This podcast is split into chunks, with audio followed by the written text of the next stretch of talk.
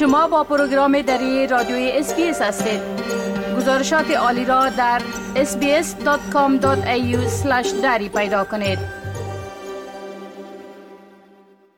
شنونده های عزیز حال با همکار خود مجیب منیب درباره یکی از وقایع مهم صحبت می کنم.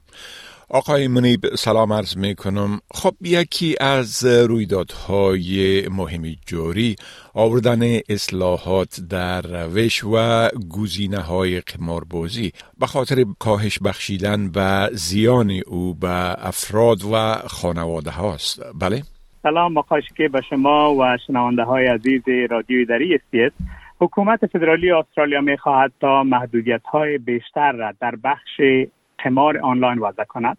در حال حاضر حکومت مرکزی استرالیا بر سر یک قانون کار می کند تا استفاده از credit card ها را برای قمار آنلاین محدود بسازد. این حرکت در حال حاضر از حمایت صنعت قمار برخوردار بوده اما مبارزان این بخش خواهان اقدام سریع و حمایت های قوی تر هستند میشل رولند وزیر ارتباطات حکومت فدرالی استرالیا می‌گوید که ممنوعیت استفاده از credit card ها برای قمار آنلاین اکنون در اولویت حکومت مرکزی قرار دارد. او می‌گوید که در حال حاضر بین 15 تا 20 درصد قمارهای آنلاین با کریدیت کارت ها انجام می شود و مردم نباید با پولی که مربوط مربوط به خودشان نیست شرط بندی کنند. در حال حاضر تعداد زیاد از مردم لاتری هم آنلاین خریداری می‌کنند. اما گفته می شود که پس از این که محدودیت ها وضع شود و قانون نو تصویب شود و محدودیت ها وضع شود ممکن امی خریداری لاتری از این استثناء باشد. به دلیلی که خسارات که از لاتری مردم می‌تونن داشته باشند مقدارش کمتر است. چون هر کسی که لاتری خریداری می‌کند ممکن مقدارش ده ها دلار باشه و, و به هزارها و صدها نرسه. به این دلیل چون خساراتش کمتر است ممکن جز لاتری انواع دیگر قمار آنلاین ممنوع شود و محدودیت ها وضع شود.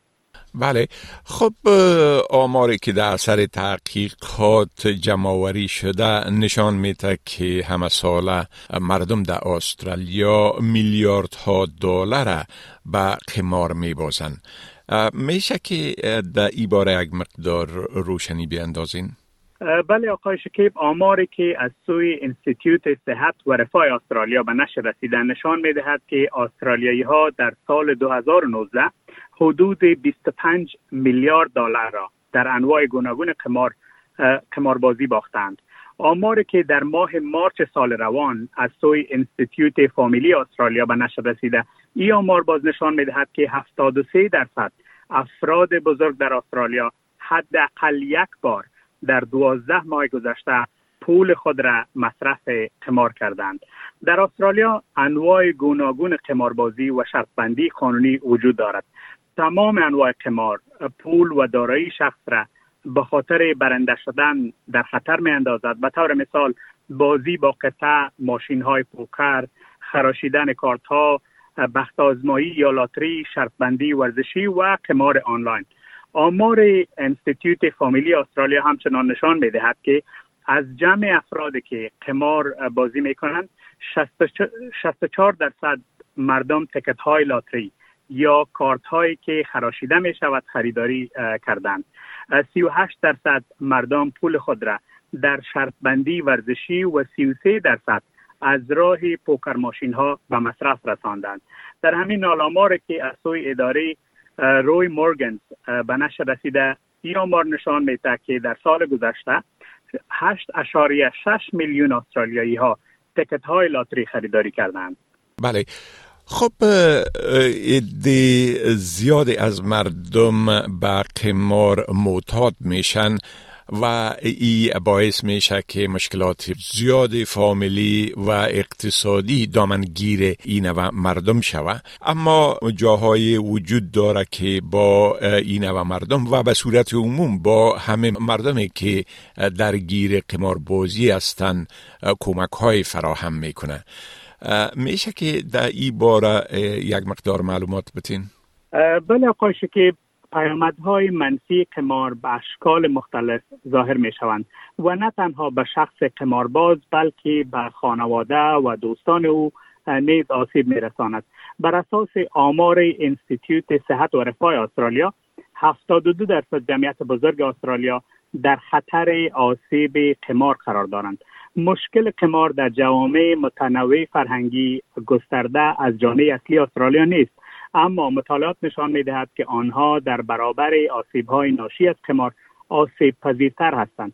افرادی که می خواهند کمک دریافت کنند می توانند با خط کمکی Gambling National Helpline به شماره 1800 858 858 به تماس شوند که یک سرویس رایگان و محرمانه برای افراد مبتلا به بازی قمار است. جوانانی که می‌خواهند کمک دریافت کنند می‌توانند به شماره 1800 262 378 به تماس شوند. همچنین افرادی که به انگلیسی نمی‌تونند صحبت کنند و مربوط به جوامع مختلف استرالیا هستند می‌تونند با این ادارات به تماس شوند و همچنان به زبان خودشان کمک دریافت بکنند. بله خب آقای منیب از این توضیحاتتان بسیار تشکر و فعلا شما را به خدا می سپارم. روزتان خوش. تشکر آقای شکیب از شما هم.